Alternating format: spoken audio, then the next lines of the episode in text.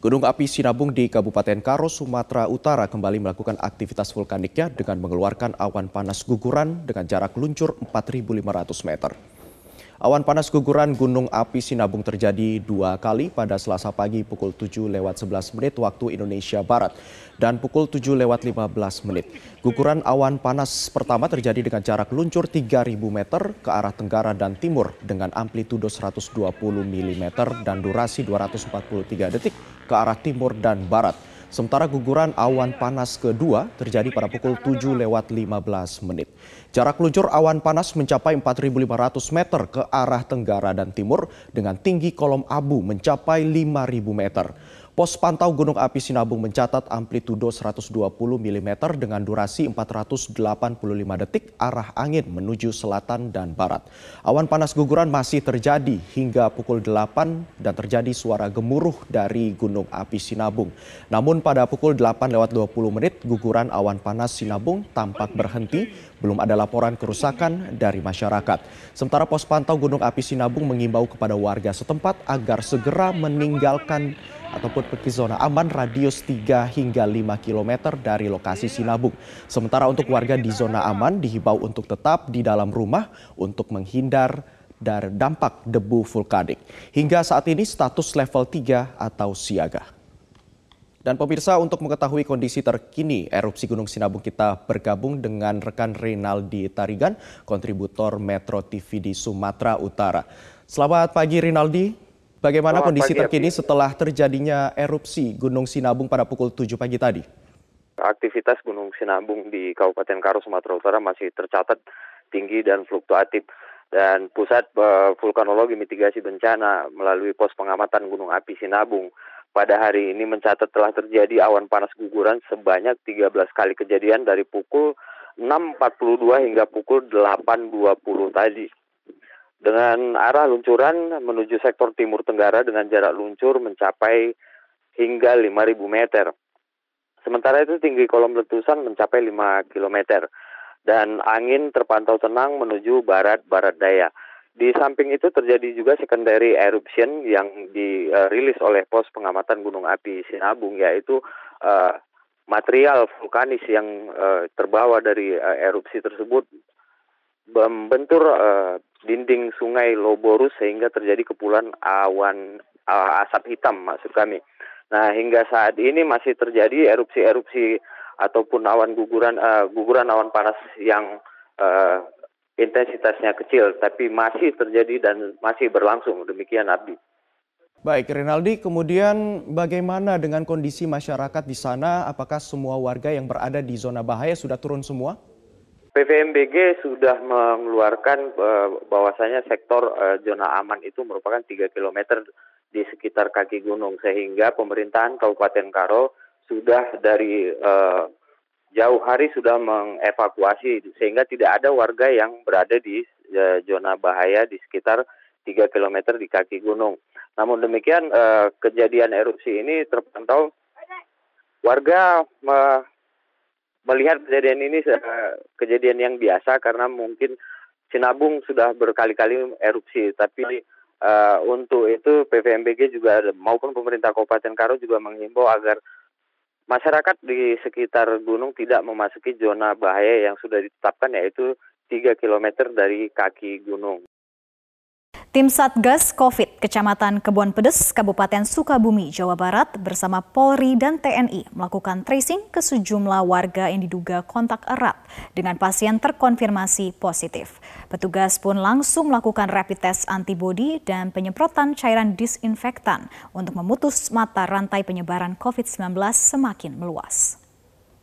Pemberlakuan pembatasan kegiatan masyarakat skala mikro atau PPKM di wilayah pedesaan di Kabupaten Sukabumi, Jawa Barat gencar dilakukan untuk menekan angka penyebaran COVID-19. Dengan menggunakan APD lengkap, tim Satgas melakukan tracing dengan warga yang diduga kontak erat dengan pasien terkonfirmasi positif. Hal ini dilakukan agar kasus COVID-19 tidak menyebar di wilayah pedesaan akibat warga yang enggan untuk melapor. Tim Satgas Kecamatan Kebon Pedes, Kabupaten Sukabumi mencatat ada 30 orang di dua desa yang kontak erat dengan terkonfirmasi COVID-19.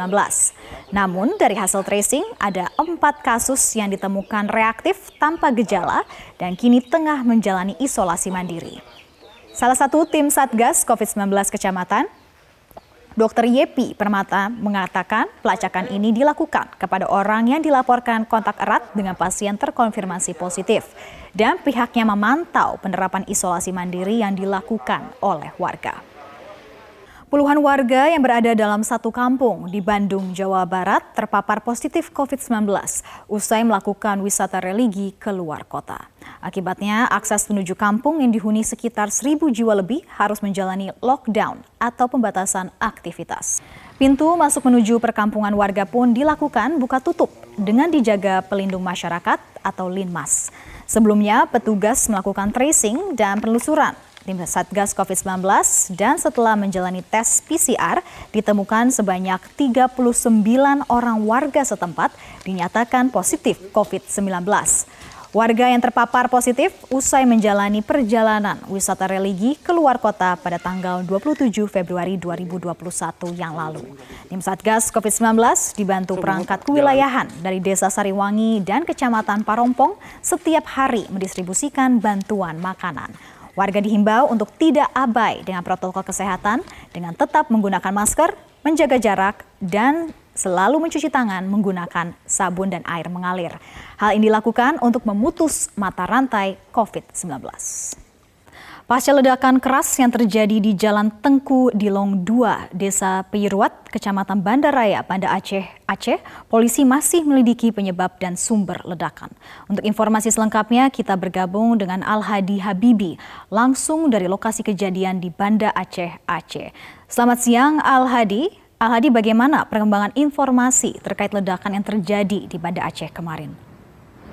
Pasca terjadinya ledakan yang terjadi di uh, Jalan Tengku Dilong 2, uh, Desa Penyerat, Kecamatan Bandaraya, Banda Aceh. Uh, saat ini di tempat saya berdiri tidak jauh dari lokasi tempat kejadian perkara, tim Inavis dari Polresta Banda Aceh masih melakukan uh, penyisiran dan melakukan uh, olah uh, tempat kejadian perkara untuk kembali uh, mengumpulkan uh, serpihan-serpihan ataupun juga petunjuk-petunjuk lainnya guna uh, melengkapi uh, serpihan ataupun juga barang bukti yang kemarin juga memang sudah dilakukan uh, oleh tim Jibom dan Inavis dari Polresta Banda Aceh. Dan selanjutnya nantinya uh, uh, ini akan kembali dibawa ke laboratorium forensik untuk dilakukan scientific uh, investigation uh, guna mengetahui uh, pasti bahan peledak apa yang digunakan saat terjadinya ledakan di uh, Jalan Tengku Dilong 2 ini sendiri. Dan uh, saat ini memang menurut informasi yang kami terima dari Kabit Humas uh, Polda Aceh Kombes Pol Winardi, pihak uh, dari kepolisian belum bisa mengungkap uh, pelaku maupun juga bis, belum bisa uh, menyebutkan secara pasti penyebab terjadinya uh, ledakan ini termasuk juga bahan peledak yang digunakan karena memang untuk memastikan tersebut harus uh, dilakukan scientific uh, maksud kami harus dilakukan scientific investigation yang memang saat ini masih berlangsung.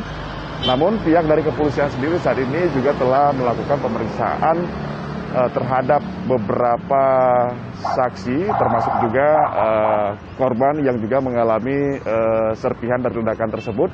Namun dapat juga kami sampaikan bahwa memang ledakan ini sendiri kemarin terjadi cukup kuat hingga uh, gerobak makanan di mana tempat terjadinya ledakan ini kacanya uh, terbang berhamburan hingga radius 15 meter dan termasuk juga uh, satu orang uh, korban mengalami uh, luka ringan yang merupakan uh, ibu dari pemilik gerobak ini yang kebetulan pada saat uh, sedang terjadinya ledakan tersebut ibu tersebut sedang berada uh, persis di depan rumahnya tidak jauh dengan gerobak tersebut hanya berjarak sekitar 2 meter. Namun saat ini kondisi ibu tersebut juga sudah uh, uh, baikan begitu, hanya mengalami luka gores akibat serpihan kaca namun uh, ibu ini yang juga uh, korban dari uh, serpian ledakan ini sendiri mengaku akibat kejadian ini dia masih mengalami trauma. Dan berikut uh, kita simak pernyataan wawancara kami dengan uh, Ibu Halimatun yang merupakan korban dari serpihan ledakan ini. Ibu kena uh, serpihan kaca? Ah, ada kena sikit di kakinya ya kan. Uh, Gores, goresan Ya, kaca. goresan kaca. Banyak masuk kaca ke dalam rumah itu. Sekarang Ah, memang udah agak sembuh sikit ya, tapi terasa ini denyut masihnya. Denyut, Ah, ya. ini nih te- kuping saya ini Masih apa tuh be- bekak. ah. Ya, bekak ya.